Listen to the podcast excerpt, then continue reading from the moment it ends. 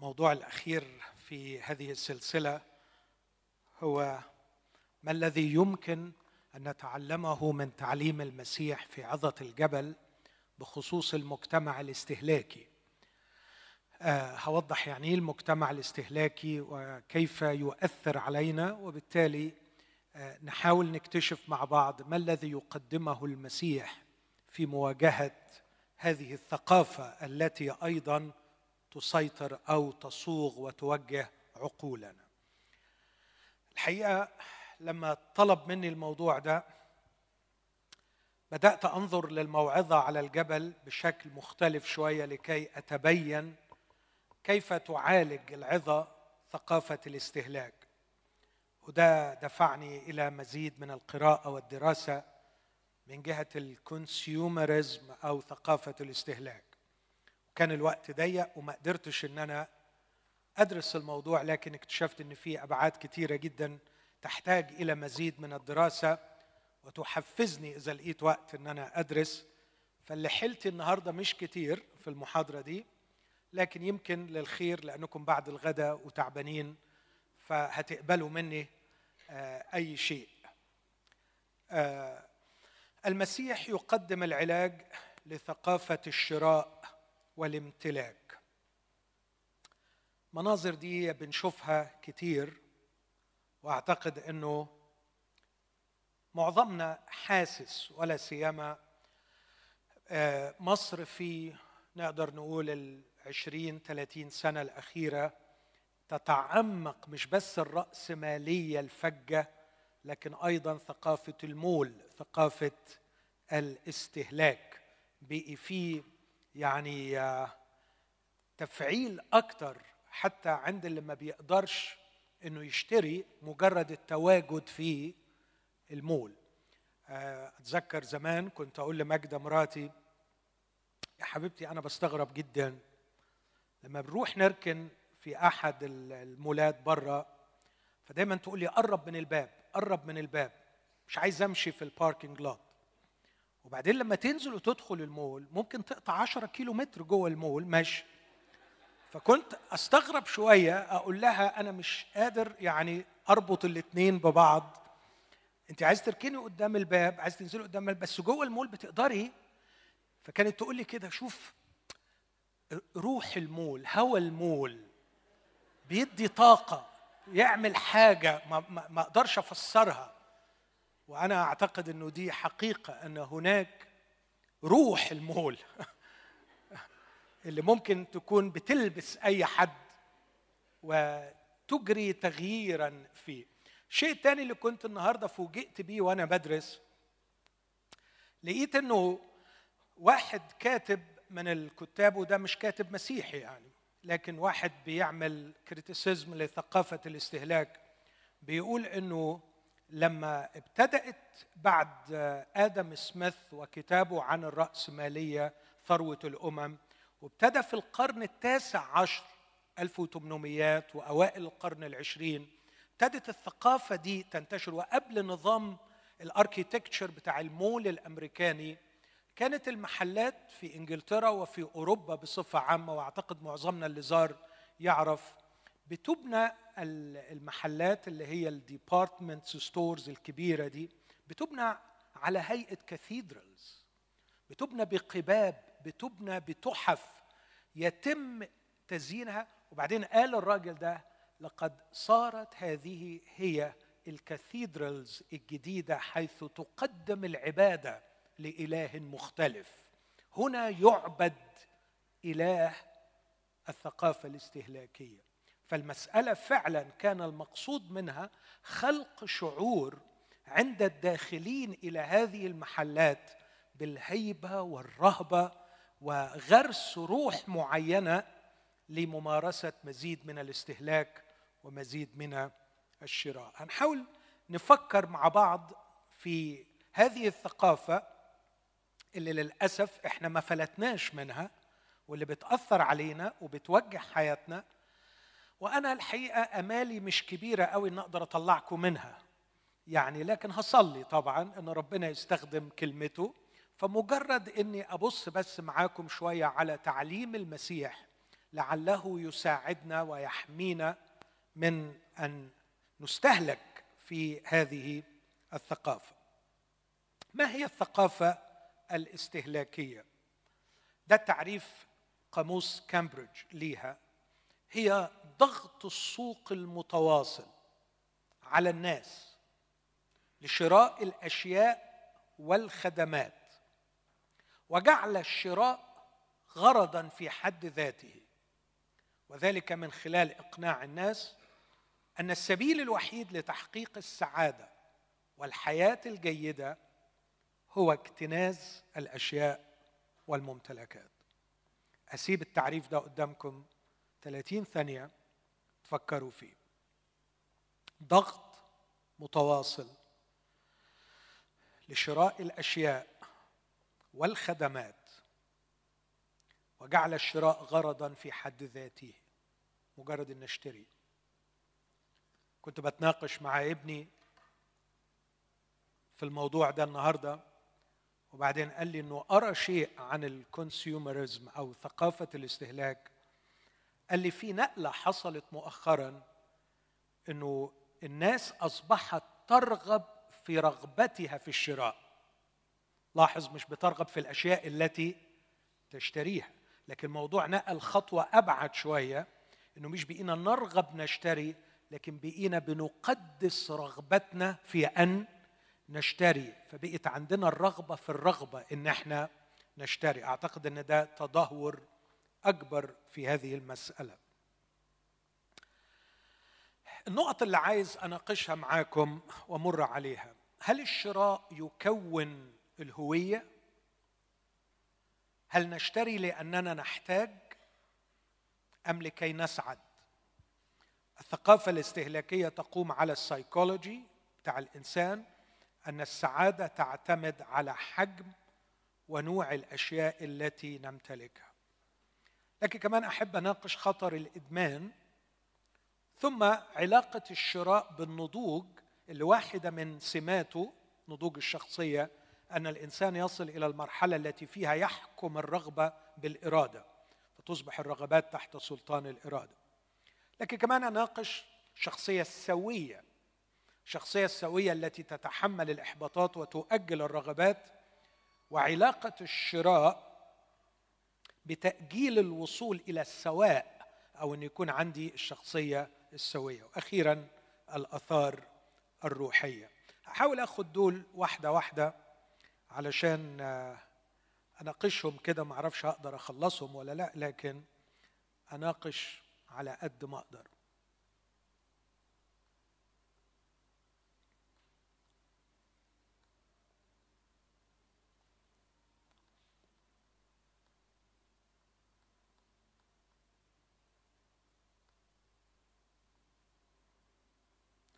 هل الشراء يكون الهوية؟ لو تاخدوا بالكم في الصورة اللي حطيتها في المقدمة دي صورة موجودة على الإنترنت. أنا بعمل شوبينج therefore I am human أو I am أرجع لها. Who I am. Therefore I am. Yes. I shop. Therefore I am. هل من الممكن فعلا إن إحنا نوصل إنه الشراء يكون الهوية؟ واحدة من الحاجات المهمة في عملية التسويق هو اللي بيسموه إنك تعمل البراند brand orienting إن يكون عندك brand فال brand مهم جدا إنك تشوف علامة نايكي تشوف علامة مش عارف إيه خلاص. بيبقى عندك ثقة معينة في هذا ال brand. لكن المشكلة عند اللي بيشتري إنه أحيانا بيكون هويته من ال brands اللي هو بيشتريها وال brands اللي هو بيستعملها. فإيه brand الملابس؟ إيه brand العربية؟ إيه brand ال compound اللي عايش فيه؟ إيه brand المنطقة؟ كل حاجة بقيت في الحياة عبارة عن brands. والإنسان اللي ما بيعيش في دائرة ال brands بدءا من ملابسه ونوع طعامه طعام brands نوع الطعام نوع المسكن نوع الحي نوع كل شيء كل شيء. المشكلة في هذه الأشياء تخطت تماما مسألة الجودة. لم يعد الشخص يدفع اموالا في هذه الأشياء من أجل جودتها ولا حتى لأنه يثق فيها. تعدت مسألة الثقة. لكن أصبحت جزءا جوهريا في تكوين الهوية. أعتقد أنه مش محتاج أناقش خطورة هذا الأمر علينا كمسيحيين. أكيد مش هقول لك زي ما بعض الشباب حتى غير المسيحي بقى عنده ثورة وتمرد على ال brands دلوقتي في أمريكا وفي أماكن أخرى كثيرة إنه يرفضون أن يكونوا يعني عبيد لمسألة ال brands لكن على الأقل وإحنا بنشتري حتى لو اضطريت إنك تشتري brands أرجوك خلي بالك ما يكونش الدافع هو تكوين هوية معينة. أنا بس برفع مجرد علم أحمر بحط علامة تحذير احذر من هذا الأمر. ليه؟ لأنه في رأيي ببساطة إنه أي شيء يعطيك قيمتك سعره أعلى منك. ما تستمد منه القيمة هو أعلى منك.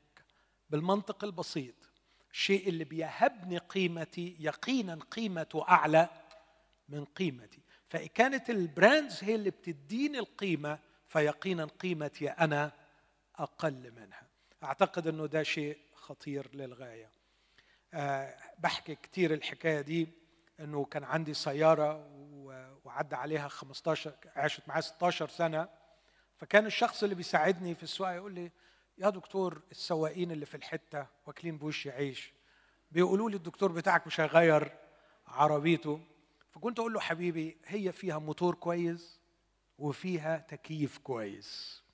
فالعربية مأدية وظيفتها وشغال. هي قيمة العربية إنها تعمل إيه؟ إنها تمشي تمشي كويس وما تتعبناش في المشوار. هي عاملة كده ولا مش عاملة؟ يقول لي عاملة. وبعدين كنت أعلمه الدرس. نحن لا نستمد قيمتنا من سياراتنا. نحن الذين نعطي قيمة لسياراتنا. نحن الذين نعطي قيمة لأماكن سكننا. نحن الذين نعطي قيمة لما نلبس لما نأكل لما نمتلك. نحن الذين نضفي القيمة. كثير بحب وأقول كمان وأنا بعرف الكرامة الإنسانية. بقول أين الصفة وأين الموصوف؟ الموصوف هنا ليس الإنسانية. الإنسانية لا توصف بالكرامة لكن الكرامة هي التي توصف بالإنسانية. لأن الإنسانية في حد ذاتها هي أعلى قيمة موجودة في هذا العالم وهي التي تصف لنا نوع من الكرامة. نوع من الكرامة. لأن الإنسان مخلوق على صورة الله. فكوني أستمد القيمة من براند أمتلكه أو أشتريه هذا إحزان لقلب الله الذي خلقنا على صورته لكي نشعر بقيمتنا ونستمد القيمة من العلاقة معه. السؤال الثاني هل نحن نشتري لأننا نحتاج أم لكي نسعد؟ الثقافه الثقافة الاستهلاكية تقوم على السيكولوجي أن السعادة تعتمد على حجم ونوع الأشياء التي نمتلكها. مش هقدر ألغي اطلاقا هذا النوع من السعادة عندما تشتري شيئا جديدا صح؟ أكيد. أكيد لما بتشتري حاجة جديدة تتبسط. محدش يقدر ينكر عليك حقك من أن تسعد بهذا الإحساس الجميل. وتستاهل إن الناس تقول لك مبروك. مفيش مشكلة خالص في كده. لكن أن يتحول الأمر مع الوقت ليصبح هذا الشعور بالسعادة الذي أحظى به عندما أشتري شيئا جديدا هو الدافع والمحرك للشراء. إحنا دخلنا في مشكلة. إحنا بقينا فعلا في مشكلة حقيقية. أن سعادتي أصبحت تعتمد على ما أشتريه. وخصوصا إنه هذا النوع من السعادة للأسف الشديد أن تأثيره لا يدوم تأثيره مؤقت للغاية. وحتى إذا لم يكن تأثيره مؤقت مع إنه مؤقت أصبحت معتمدا على أشياء تمتلكها أو اشتريتها تهبك السعادة. الكتاب المقدس كان جميل وعظيم. في رسالة فيليبي أصحاح أربعة ما بيتكلمش عن إشباع الرغبات وأعتقد إنه ده يعني خلينا أقول أمر مبدئي وبديهي إنه المفروض إن المسيح الحقيقي يكون عرف يسيطر على الرغبات بتاعته. لكن بيتكلم عن الفرق ما بين الطلبات والاحتياجات الطلبات والاحتياجات. ف لأنه العلاقة بيننا وبين الله علاقة جميلة وحرة علاقة ابن بأبيه عبر عن طلباتك اطلب من الله. اسمع الآية دي لتعلم طلباتكم لدى الله. اجعل طلباتك معلومة لدى الله. دي ترجمة أدق. قولها. طب المسيح علمنا في الوعظة على الجبل أنه أبوكم يعلم احتياجكم قبل أن تسألوا. فلماذا أطلب؟ لأنه حديث ابن مع أبيه. مفتوح لأبوه بيحب أبوه وبيحكي مع أبوه وبيقول لأبوه على طلباته أنا أنا عايز كده أنا عايز كده. بس بولس قبل أن ينهي هذا الأصحاح يصلي من أجل إخوته فيقول ويملأ إلهي كل احتياجكم وهنا يميز بين ما نطلب وما نحتاج. ويبدو أنه يريد أن يقول لنا ليس كل ما نطلبه نحتاجه والشيء الأخطر أن ليس كل ما نحتاجه نطلبه. لأننا اسمحوا لي أقول في جهل شديد من جهة حقيقة ما نحتاج. في مخرج ومنتج روسي كبير أنتج فيلم مشهور وكان الفيلم كل فكرته تدور حول هذه الحقيقة أن البشر يجهلون ما يحتاجون. قصة الفيلم غريبة شوية إنه في حالة كارثية حلت بالأرض وبعدين ظهر واحد آه، زي بلطجي أو شخص يعني آه، غالبا من اللي اشتركوا في هذا الدمار الرهيب لكن معاه رجلين واحد بروفيسور والتاني واحد كاتب. وبعدين بيقول لهم أنا قادر أخدكم لحتة في وسط هذا الخراب حجرة the room وجوه الحجرة دي في حتة اسمها the zone فيها بقعة اللي يقدر يدخل ويقف فيها يطلب ما يحتاج إليه وسيستجاب له فورا. هيحصل عليه. وعلشان يقودهم بقى انت تشوف بقى في فيلم كم الخراب والدمار اللي هو عمال يمشي بيهم فيه لغاية ما يوصل للحجرة. وطبعا كم السعادة الرهيبة إنهم أخيرا وصلوا للحجرة. وبعدين شاور لهم على الباب من على الباب للبقعة اللي هي ذا زون اللي يقفوا فيها واللي ساعتها الشخص كل اللي محتاجه يقوله وهيحصل. أو عفوا كل اللي محتاجه هيحصل. من غير ما يقوله اللي هو محتاجه هيحصل. ابتدى يقول لهم اتفضلوا. واذ بيهم فجأة تنتابهم حالة من الرعب. لأن كل واحد أدرك إن هو ما يعرفش إيه اللي هو محتاجه. وابتدى يخاف. لكن الأخطر من كده قال لئلا يكون ما أحتاجه كارثي. لئلا الشيء اللي أنا محتاجه مش هحبه. فأنا في حيرة بين ما أحتاج وما أحب. لأني لا أعرف أعماقي. فقد تكون أعماقي تحتاج إلى شيء أنا لا أحبه. علشان كده أنا مش عارف أطلب إيه. وينتهي الفيلم فعلا بحالة الحيرة والرعب الشديد. وده يقول لده أنت ادخل وده يقول لده أنت ادخل ومحدش عايز يدخل لما وصلوا للنقطة إنهم فيها يحصلوا على ما يحتاجوا. إخوتي أعتقد إنه إدراكنا أننا كائنات محدودة سقطت في الخطية. يجعلنا نراجع أنفسنا من جهة هذه الثقة الزائفة في أننا نعلم ما نحتاج. المسيح في الموعظة على الجبل بيقول لنا خبر في غاية الروعة.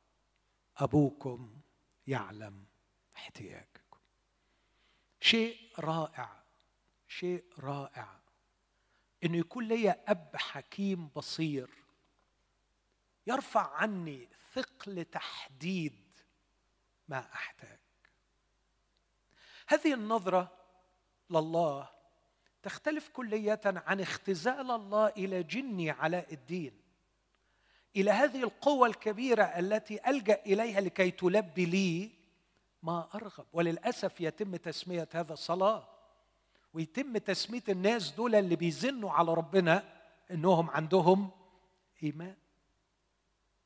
الصلاة الحقيقية والعلاقة الحقيقية هي حالة من الثقة المطلقة في أبي وعدم الثقة المطلقة في نفسي.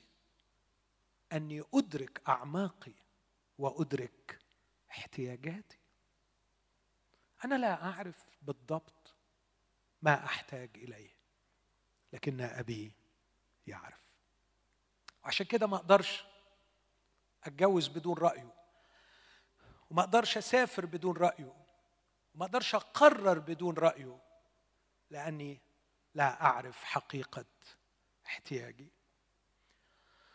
إيميل دوركايم من أعظم علماء الاجتماع في التاريخ البشري عالم فرنسي ملحد يقول هذه الكلمات كنا نظن وهو يساري كنا نظن أن المشكلة أننا لا نستطيع أن نشبع احتياجات البشر لكننا أدركنا أن المشكلة الأعمق هي أن البشر لا يعلمون ما يحتاجون إليه.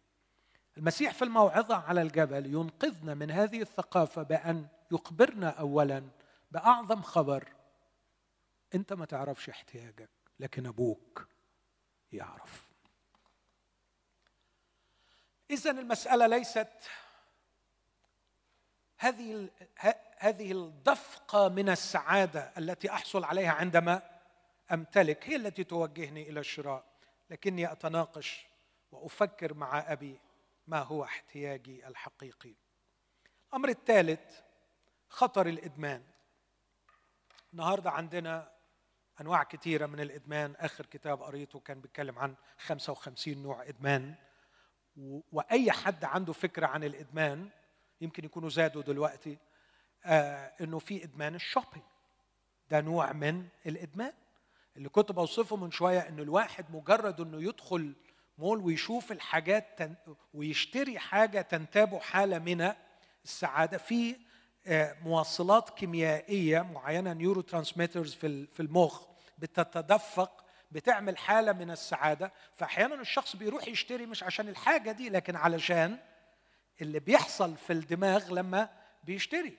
فيمكن هو ده اللي بيدي قوة للرجلين إنها تمشي أكتر اللي بيدي كده حالة من البهجة والسعادة والنفس تتفتح للأكل ويبقى الواحد كده في جو تاني ممكن بس المشكلة إن الواحد ممكن يغرق في حالة من الإدمان فكل ما يتعكنن ويتنكد ياخد بعضه ويروح يتعاطى المول يتعاطى الشراء لأنه الحقيقة بتتولد في دماغه زي بالظبط زي الهيروين أو الكوكايين. هو بيدخل مباشرة على الدماغ يطلع مواد كيميائية تعمل الحالة اللي هو بيحب إنه هو يكون فيها.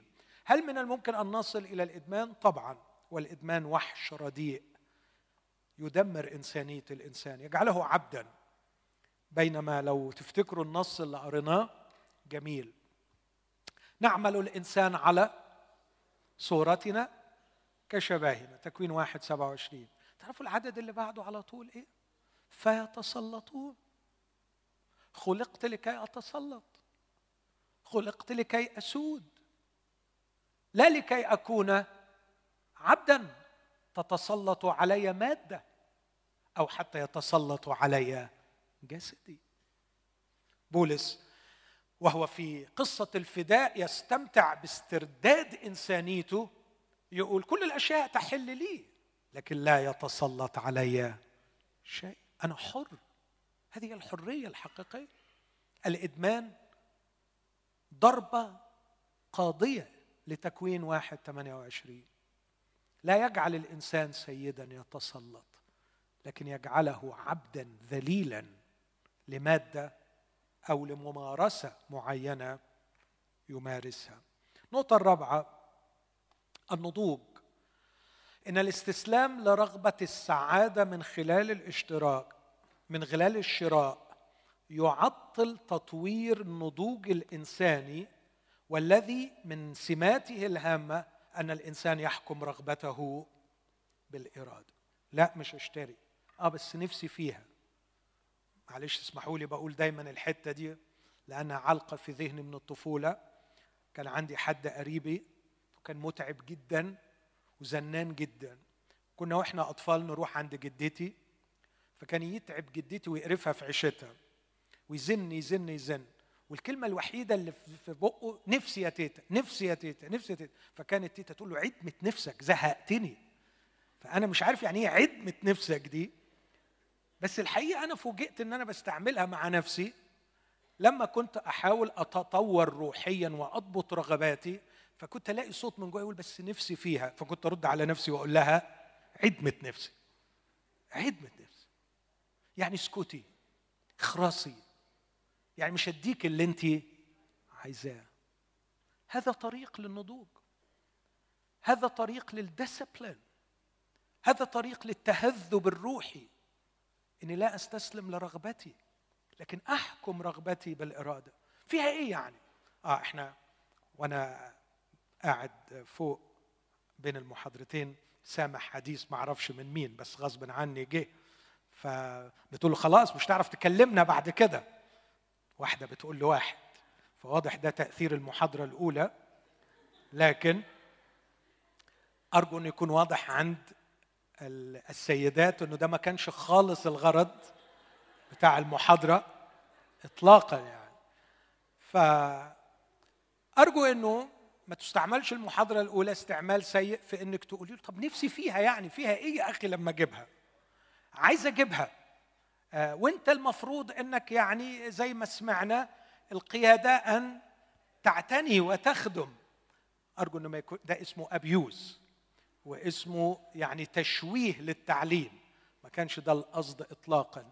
لكن أتمنى إن المرأة تتدرب على النضوج الروحي والنفسي وتعيش هذه الخبرة بأنها تقول لنفسها لا. لا تتركي نفسك ابدا ضحية لوحش الإدمان في الشراء. أو مجرد إنك تكوني بتسعدي من خلال أنك تمتلكي. إذا جاءت الأشياء وأسعدتنا مرحبا لكن لا تصبح هدفا في حد ذاتها نحصل من ورائها على السعادة. الأمر الخامس الشخصية السوية تتحمل الإحباطات وتؤجل الرغبات. لو نفسك في حاجة وما عرفتيش تجيبيها وبعدين نكدتي عليه وعلى روحك وعلى عيالك ده معناها إن الشخصية غير سوية وتحتاج إلى وقفة مع النفس. الشخصية السوية ما جاتش الحاجة اللي نفسي فيها ما خربتش الدنيا. أنا مش عايشة عليها وإلا أكون عبد ليها. مرض أن الشخصية لا تستطيع أن تتحمل الإحباط أو لا تستطيع أن تؤجل الرغبات تذكر إني قريت العبارة دي زمان وكان ابني عمره ثلاث سنين. وساعتها تنبهت إن في كلمة كتير بيكررها وأنا مش واخد بالي منها. إنه كان يقول دوقتي دوقتي عايز الحاجة دي وعايزها؟ دوقتي وجعلتها موقعة فاصلة بيني وبينه إنه يمحي من قاموسه كلمة دوقتي مفيش حاجة اسمه دوقتي هجيب لك الحاجة اللي أنا شايف إنها تنفعك. وفعلا كنت أتعمد وكانت ماجدة مراتي تزعل مني تقول يا أخي ما تعذبهوش. إنه كنت أجيب له الحاجة اللي هو عايزها بس أقول له تعالى لي بعد خمس دقائق أديها لك طبعا هو شايفها هيموت من الفرحة إن أنا جبتها له. احطها في جيبي وأقول له روح وتعالى بعد خمس دقائق هديها لك. كانت مراتي بتتصور إن هذا تعذيب لكني كنت مقتنع أن هذا تدريب وليس تعذيب على تأجيل الرغبات وعلى أن يتحمل الإحباطات. لكي تصنع رجل لكي تصنع نفسية قوية تستطيع أن تتحمل الإحباط لابد أن تعلمها كيف تؤجل الرغبات. نمرة ستة الآثار الروحية. الناجمه عن ثقافة الاستهلاك. أحاول أمر مرور برضو إلى حد ما سريع شوية على هذا الأمر. أنا آسف إنه البرزنتيشن محتاج شوية شغل ما لحقتش أعملها لكن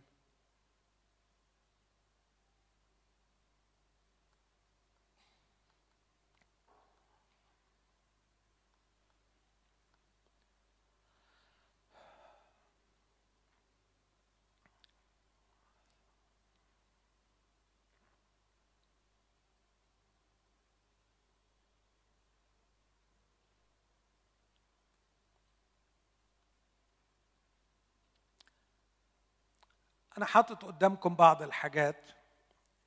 السلايد دي محتاجة تعديل شوية لكن يعني اللي موجود فيها يكفي. إهدار الفر... إهدار فرص العطاء في عمل الله. إهدار فرص الملل والإحباط وعدم استثمارها في النمو الروحي. السعادة في إطار المعنى وليست بعيدا عنه هي السعادة الآمنة. السعادة التي لا تكون على حساب ضرر آخر السعادة التي تعطل إنجاز الغرض السعادة التي لا تشوه شخصياتي. إيه معنى الكلام الغريب ده؟ لو هنصرف كتير إحنا بنهدر فرص العطاء في عمل الله. موافقني على الكلام ده؟ أنا أعتقد إنه لو بصيتي في دولابك وأنا لو بصيت في دولابي هنلاقي إن كان ممكن نعيش بنص اللي في الدولاب. كان ممكن نعيش قوي. ما كانتش هتخرب الدنيا. النص التاني ده كان دوره إنه بيساعدنا مش لأنه احتياج. طب لو تخيلت إن المال ده كله تم توفيره وإنفاقه في عمل الله. نحتاج أن نتحرر بعض الشيء من انانيتنا التي تجعلنا نظن أن أموالنا لنا بينما في الحقيقة نحن وكلاء عليها. وإذا كان الله يكرمنا ويغدق علينا دعونا نتذكر أن الله يمتحنا بالبركات التي يعطيها لنا. فالذي له يعطى ويزداد والذي ليس له فالذي عنده يؤخذ منه بناء على إيه؟ على الأمانة في إدارة ما عندنا. أتمنى أن الرب يعطينا قناعة أننا مجرد وكلاء. وعلينا أن ندير أموالنا تحت سلطان الله. عندما نشتري كثيرا بسبب خضوعنا المذل لثقافة الاستهلاك والدعاية زي ما أوضح بعد كده الدعاية مرعبة. مرعبة الدعايه عايزكم بس وأنتم مروحين لو فيكم حد ساكن ناحية التجمع. يبص على كم الإعلانات اللي على طريق السويس. جوجل أو اسأل كل إعلان من دول صاحبه بيدفع قد إيه علشان يحط الإعلان. أصغر الإعلانات أحيانا بيكون في الشهر 120 ألف جنيه في الشهر. لكن في يعني في السنة الواحدة أكثر من مليون ونص تقريبا أو حوالي مليون ونص. ودي إعلانات صغيرة في إعلانات أكبر. وتبص تلاقي نفس الشركة عاملة الإعلان ده مثلا مش أقل من عشر مرات. يعني معناه أنه بيدفع كل سنة حوالي 15 مليون أحيانا مئات الملايين. في مصر ما فيش إحصائيات دقيقة طبعا لكن في أمريكا بلايين بتنفق كل يوم على الدعاية والإعلان. طبعا بيسموها دلوقتي اسم شيك في الجامعات public relations PR وهي في الحقيقة عملية دعاية وإعلان بروباغندا ال 100 مليون اللي بتنفقهم الشركة دي هتجيبهم منين؟ من جيب حضرتك. لازم حضرتك اللي تدفعهم. بس عشان حضرتك تدفعهم أو يعني عشان يعرفوا يسرقوك بيهم لازم يضغطوا عليك ويقنعوك إنك يا مسكين هتبقى تعيس وكئيب طول ما أنت ما اشتريتش الحاجة دي.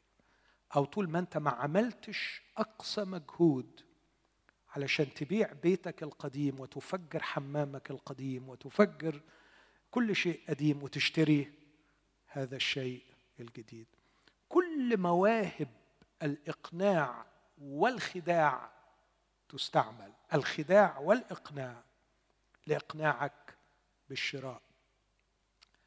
أعتقد إنه ده بيهدر كم كبير من الأموال بتروح في الدعاية والإعلان وإحنا اللي بندفعها. كان من الممكن أن تنفق في عمل الله. عندي قصة كتبتها في واحد من كتبي ودايما بحكيها عن شخص صديق عزيز كان بالنسبة لي بمثابة أب كان راجل كبير في السن وكان الرب أعطاله وظيفة مرموقة للغاية. كان بيشتغل وبيدخل له دخل كبير من شغله. فأنا في مرة بقول له يا انكل أنت تعبت وكبرت في السن. كفاية شغل. وارتاح بقى. هو كان راجل بسيط جدا في عيشته. يعيش بأقل القليل. فقول له استريح. كفاية. أنت عندك ما يكفيك. فنظر لي نظرة لا يمكن أن أنساها. وقال لي ماهر يا حبيبي أنا عندي ما يكفيني. لكن عمل الله ما عندوش ما يكفيه وعرفت بعد هذا أنه كان يعمل وكل دخله ينفقه على عمل الله. كان يعمل من أجل عمل الله.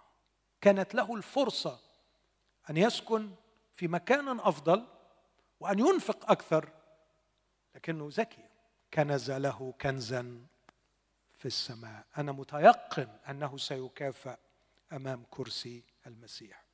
لكن النقطة الثانية صعبة شوية والبعض يمكن ما يفهمهاش. إهدار فرص الملل والإحباط. وعدم استثمارها في النمو الروحي. مين فينا اللي قاعدين هنا ما بتجلوش لحظات ملل وزهق ولحظات إحباط؟ كلنا مش كده؟ كلنا بيجي لنا ملل وإحباط. أنا بعتبر إنه حالتك الروحية هتعتمد على كيفية إدارتك لأوقات الملل والإحباط. قل لي بتتصرف إزاي في لحظات الملل هقول لك انت فين روحيا. إذا كنت بتهرب مباشرة للفيسبوك أو تشغل التيفي تي في أو تروح للثلاجه وانت عندك ملل وإحباط أو إنك تكلم حد لمجرد إنك ترغي معاه كل دي علامات غير صحية. لحظات الملل والإحباط هي صوت السماء يدعونا للحصول على جرعة جديدة من محبة أبينا السماوي. تذكروا معي هذا أحبائي لحظات الملل والإحباط هي نداء من السماء يدعونا للحصول على جرعة جديدة من محبة الله أبينا. لما تشعر بالملل ما تروحش المول. تدخلش على الإنترنت. لكن أصرخ لأبيك السماوي وقول له اديني هج طبطب عليا. متعني بمحبتك. أو حاول إنك تستنير بفكرة من خلال عظة أو من خلال قراءة في كتاب أو قراءة كلمة الله. فرص الملل والإحباط إذا احسنا استثمارها هي التي تقفز بنا روحيا. هي التي تشد بنياننا الروحي وتأخذنا إلى منطقة جديدة. الأمر الثالث السعادة في إطار المعنى وليست بعيدا عنه هي السعادة الآمنة. على فكرة أبونا السماوي هو اللي اخترع فكرة السعادة. وعلى فكرة أبونا السماوي شخص يحب السعادة. هقولها بلغة المسيح. الأب لما رجع له ابنه الواد الكبير سمع صوت آلات طرب ورقص. أكيد يسوع يعني كان المفروض يخلي باله وهو بي... كان لازم ينقي ألفاظه. يعني هو بيحكي مثل زي كده ويقول إنه الولد سمع صوت لما اقترب من البيت سمع صوت الا تط... يا رب أحسن كده تشجع الناس على السعادة. يقولوا ماله؟ أنا بشجعهم على إنهم سعادة. الموسيقى شيء جميل جميل. والله هو اللي عمله. وأن نسعد بالموسيقى شيء جميل ليس ضد الروحانية اطلاقا. الله أعطانا اشكالا وألوانا في الغذاء. أعطانا طعما مختلفا لكل شيء. كتير بحكي الحكاية دي وعاملة لي مشاكل. إن أنا كنت بقول مرة يعني للأسف الشديد أنا بحب ال nuts للأسف الشديد بس الدكاترة بيقولوا لي ما تاكلهاش فكنت بقول على فكرة لو ربنا ما كانش خلق ال nuts عمرنا ما كنا هنحس ولا هنقول له أنت ليه قاسي علينا كده وما عملتلناش برضه يعني هي ال nuts دي معمولة علشان إيه؟ بصراحة ملهاش أي لازمة يعني زيادة مش كده؟ يعني لو الأكل بتاعنا خلي منها هنزعل ولا هنحس إن في حاجة ناقصان طب أمال مزاج؟ عاملها مزاج علشان يسعدنا بها. مشكلة إن أنا في مطارات كتيرة في العالم وفي بلاد كتيرة. آخرها كنت في كندا واحدة أخت على wheelchair. جاية تحضر الاجتماع من مكان بعيد وجايبة لي كيس nuts ومرة فتاة في مطار اقتربت الي بمحبة وقالت لي شفتك في مطار البلد الفلانية. وقلت أنت هتركب نفس الطياره رحت جبت لك nuts هذه الأشياء تاسر قلبي. لأنهم سمعوني في وعظة زي كده بقول إن أنا بحب ال nuts فأرجوكم محدش يجيب لي nuts من فضلكم. لكن الفكرة اللي بقولها إنه هذا الأب صاحب مزاج. كان يخلق ليسعد وليس فقط لكي يسد الاحتياج. كان ممكن قوي يعمل لنا الخضروات ويعمل لنا بس القمح والطماطم وكلوا واسكتوا كفايه على كده معدتكم تتملي. لكن نوع ملايين الأنواع من الطعم والمذاق والرائحة والمناظر والألوان. إنه يرغب في أن يسعدنا. يقول الكتاب فالأب يقول لنأكل ونفرح. لنأكل ونفرح لأن ابني هذا كان ميتا. فابتدأوا يفرحون ابتدأوا يفرحون. إذا الله يريدنا أن نسعد. الله ليس ضد السعادة. الله ليس ضد اللذة. الله ليس ضد المتعة. هقول تاني الله ليس ضد السعادة ليس ضد اللذة ليس ضد المتعة. بالعكس الله هو اللي عمل الحاجات دي. بس عامل كل حاجة منهم لها إطار. تستمتع في داخله. علشان لو طلعت براه بتبوظ كل حاجة والحاجة نفسها تبوظك. هتفسد وتفسد. إذا استمتعت بعيدا عن الإطار الذي وضعه الله للحصول على هذا النوع من السعادة أو اللذة أو المتعة أو ذاك النوع. أدي أمثلة. لو أنا هسعد دول ثلاث أمثلة. لو أنا هسعد بس في غيري هيتضر. السعادة خرجت عن الإطار. لو أنا هسعد بس السعادة مش هتخليني أحقق الغرض السعادة هنا غلط. لو أنا هسعد لكن هذه السعادة تشوه شخصيتي السعادة خرجت عن الغرض. السعادة عشان كده بسميها السعادة السوية أو الصحية هي السعادة في إطار المعنى. أنا لست إنسانا يبحث عن السعادة. السعادة تفاجئني لكني أبحث عن المعنى. وفي الحقيقة أجمل أنواع السعادة وتسمى بحق سعادة هي تلك التي تفاجئك. أما السعادة التي ترسم الخطة الطويلة للحصول عليها غالبا بعد ما بتوصل لها بتبقى يعني زهقت. كتبت وأؤكد بناء على دراسات علمية من يبحثون عن السعادة يكتئبون. لكن من يبحثون عن المعنى وتحقيق الغرض يسعدون. ودي حقيقة. اللي بيعيشوا علشان يحققوا غرض وجودهم بتجيلهم السعادة كباي برودكت. السعادة تيجي منتج طبيعي من شخص بيدور على الغرض. الثقافة الاستهلاكية بتقول لك لا اشتري لكي تسعد. لكن أعتقد معظمنا يعرف إنه مرات بيكون اندماجنا في عملية شراء غير محسوبه أو عمليات شراء غير محسوبة بتضر آخرين. تضر آخرين أضرار مختلفة. كان ممكن قوي الفلوس دي أستعملها في شيء لنفع الآخرين. لكن أحيانا اسمحوا لي أقول حاجة غريبة شوية. هدي مثل بعيد عن موضوع الشراء بس ينطبق عليه نفس الفكر. لي يعني ابن وابنة أعزاء أبناء روحيين تزوجوا حديثا. سعداء ببعض يعني على الآخر هيمنين ببعض قوي.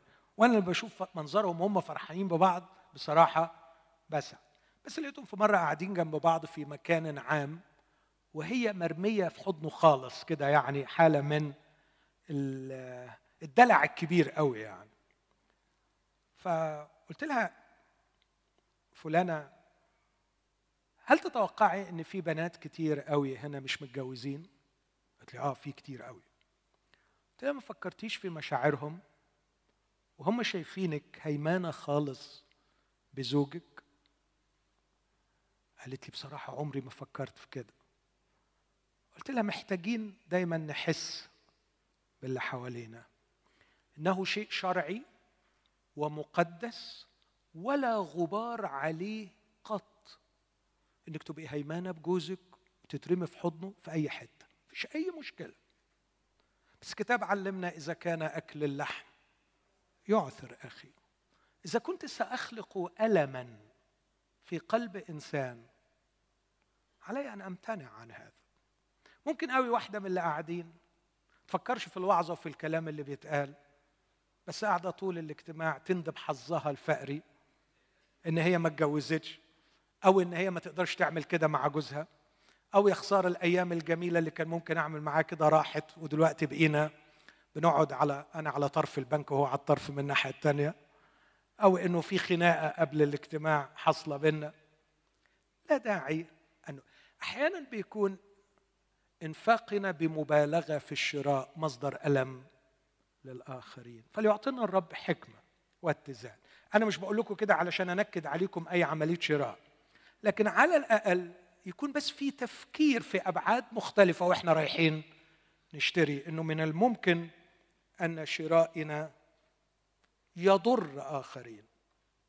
لكن أيضا أحيانا اندماجي في عمليات شراء غير ضرورية يعطلني عن إنجاز غرض حياتي. إذا كان ربنا عايزني إني أنجز غرض معين علي أن أكون فاهم لغرض حياتي وأن تكون ان يكون إنفاقي في هذا الغرض. في مرض جديد قريت عنه هو أكيد مرض قديم أنا جديد بالنسبة لي ما كنتش يعني قاري عنه اسمه أفلونزا أفلونزا مش إنفلونزا وهو مرض يصيب الأغنياء تشوهات في نفسية وشخصية أولاد الأغنياء بسبب قدرتهم على الامتلاك السريع والسهل. هذه بعض الأضرار الروحية. التطور التاريخي لثقافة الكونسيومرزم كانوا الناس يعانون من الندرة. هذا جعل الامتلاك يعطي شعورا بالأمان.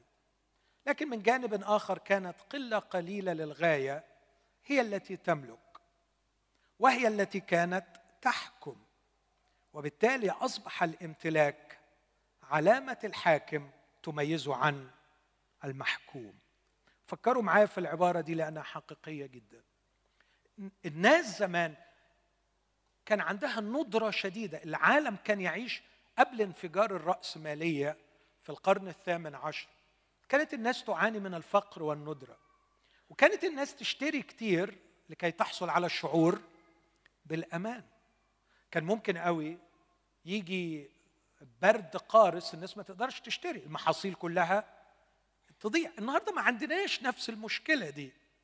عندنا محلات مفتوحة طول الوقت عندنا رصيد في البنك عندنا عندنا عندنا حاجات كتير قوي لكن ما زال لدينا هذا النهم في الشراء. فأرجو إن إحنا وإحنا بنشتري نفكر هل هو نابع أحيانا من عدم أمان؟ عايز أشتري لكي أشعر بالأمان؟ لكن الشيء الأخطر اللي دي أنا جايبها من أحد المقالات عن الكونسيومرز إنه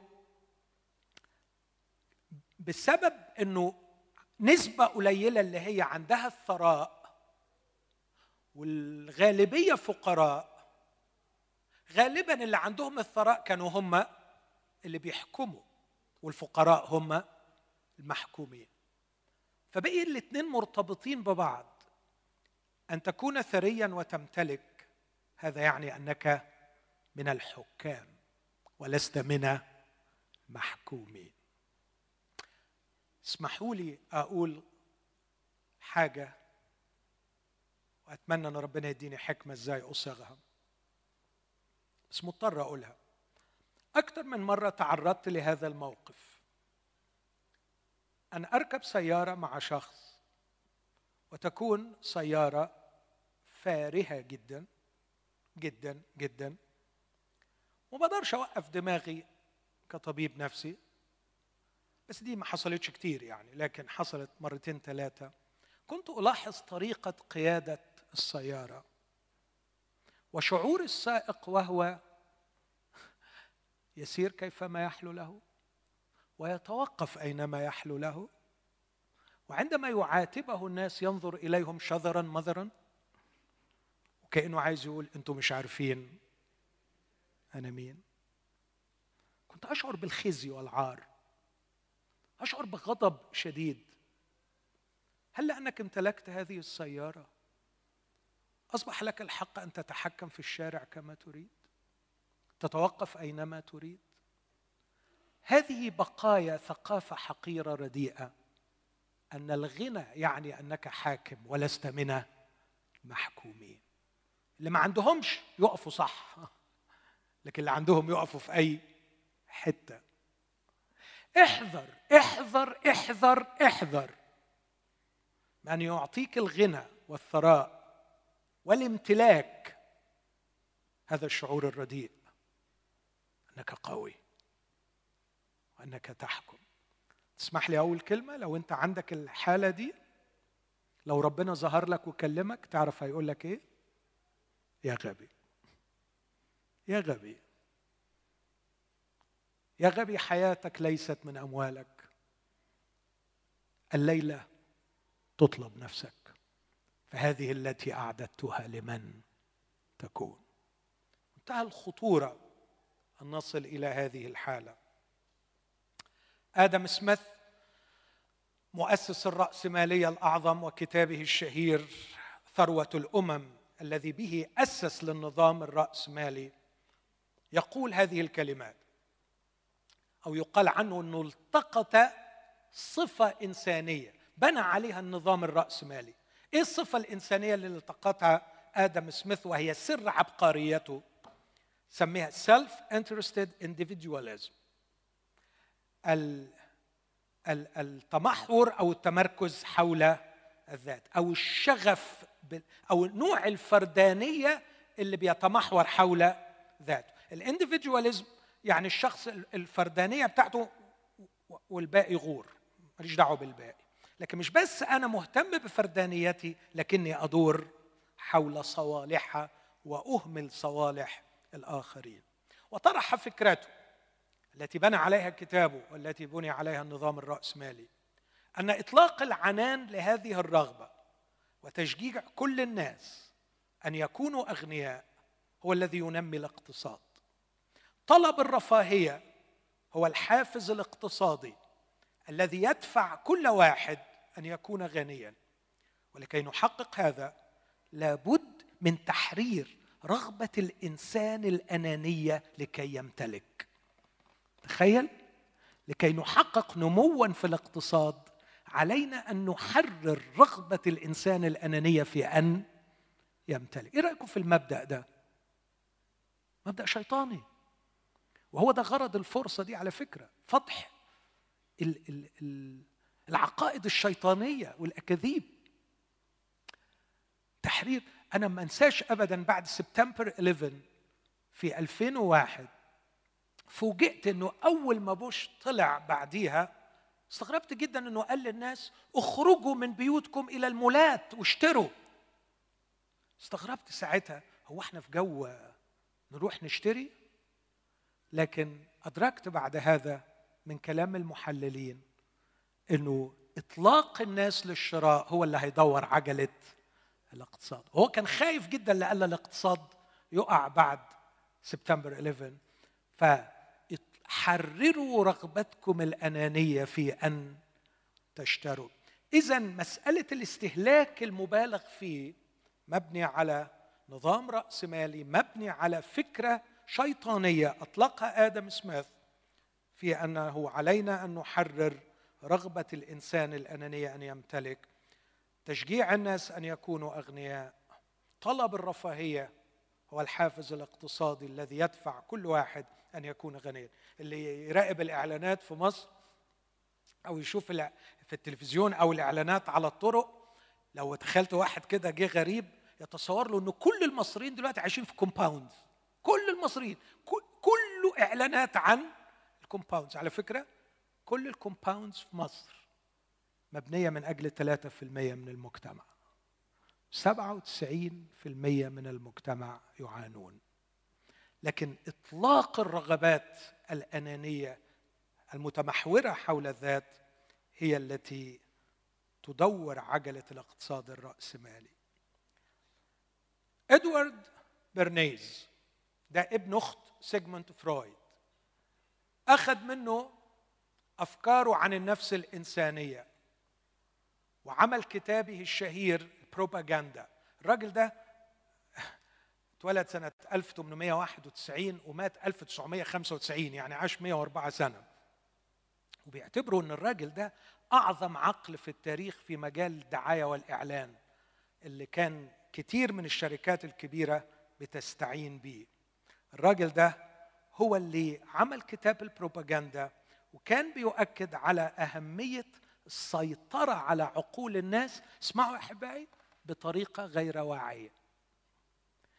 كان يؤكد في كل المناهج بتاعته إنه لابد من السيطرة على عقول الناس بطريقة غير واعية لدفعهم نحو الشراء. من خلال بقى أساليب كثيره اللي حابب يقرأ يقرأ كتاب على ما أذكر لواحد اسمه ألان شيرر اسمه المتلاعبون بالعقول. تم ترجمة هذا الكتاب للعربية ويقوم على فن الدعاية والإعلان. كيف يتلاعب البعض بعقول المجتمع لكي يغروهم؟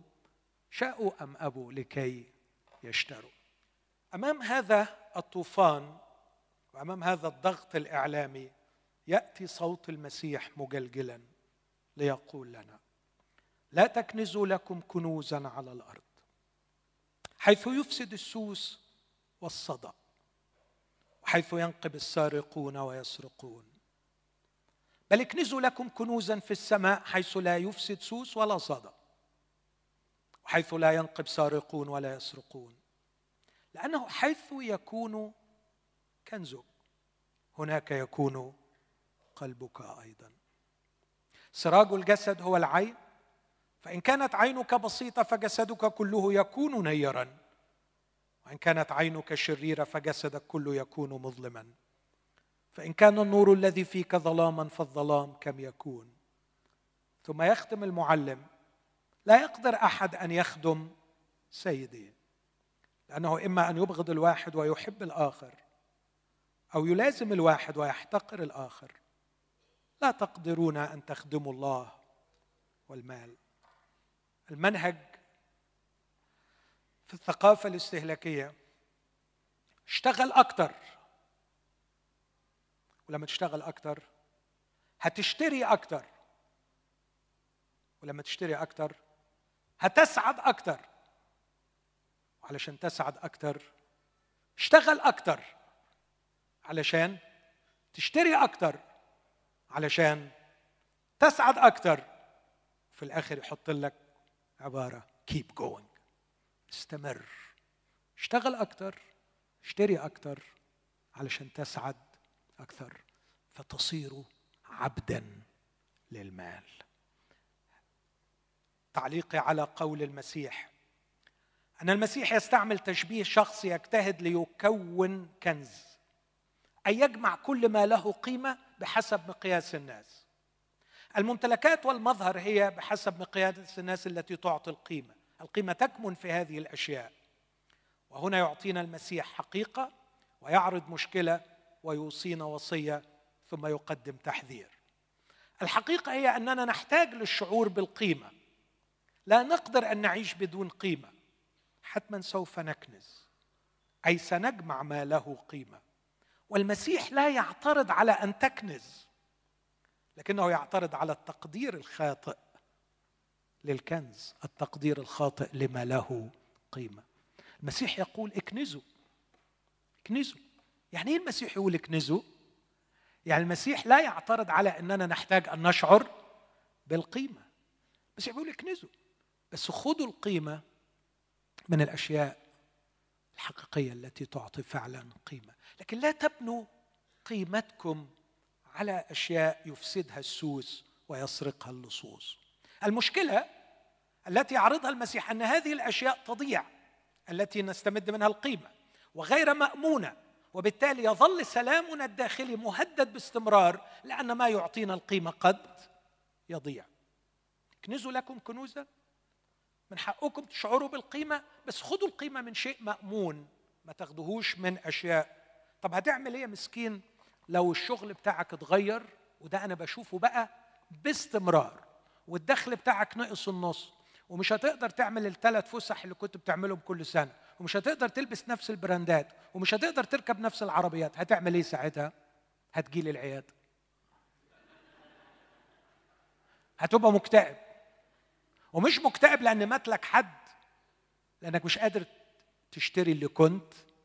تشتريه؟ ده اللي بيحذر منه المسيح. أنا ما بقولكش ما تكنسش أنا ما بقولكش ما تشعرش بالقيمة. بس القيمة هي أساس شعورك بالسلام الداخلي. لأنه مستحيل تكون عندك سلام وأنت حاسس إن قيمتك ضايعة. اوعى تبني سلامك اللي مبني على قيمتك على أشياء يمكن أن تفقدها.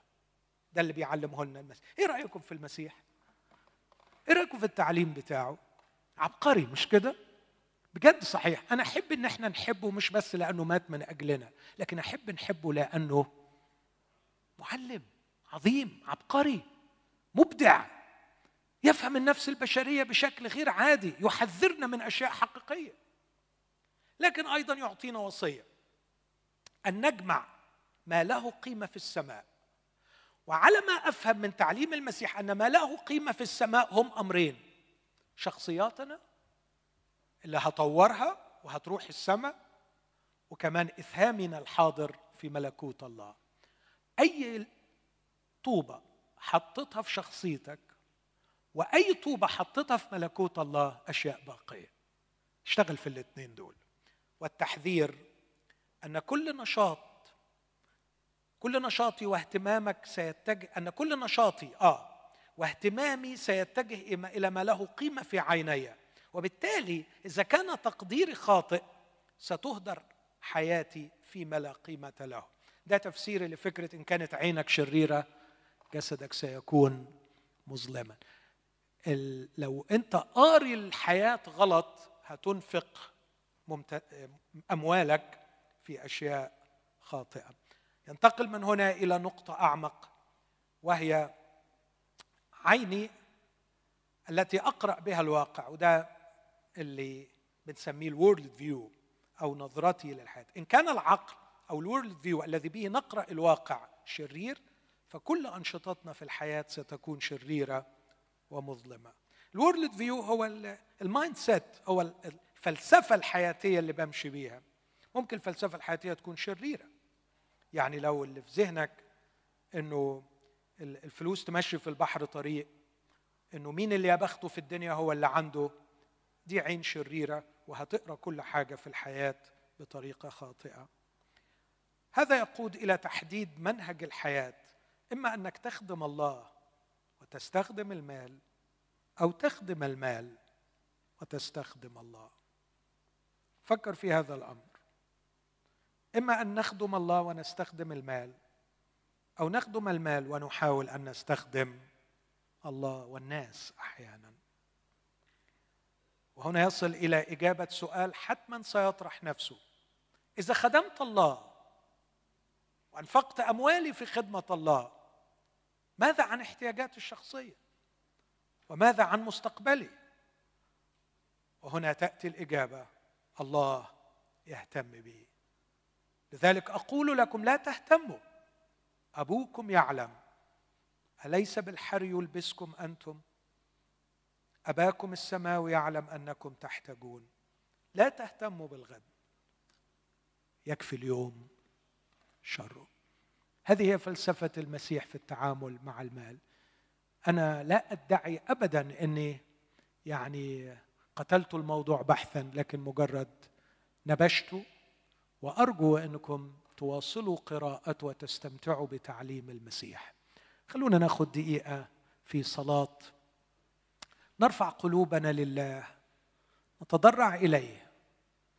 أن يعطينا حكمة في إدارة المال.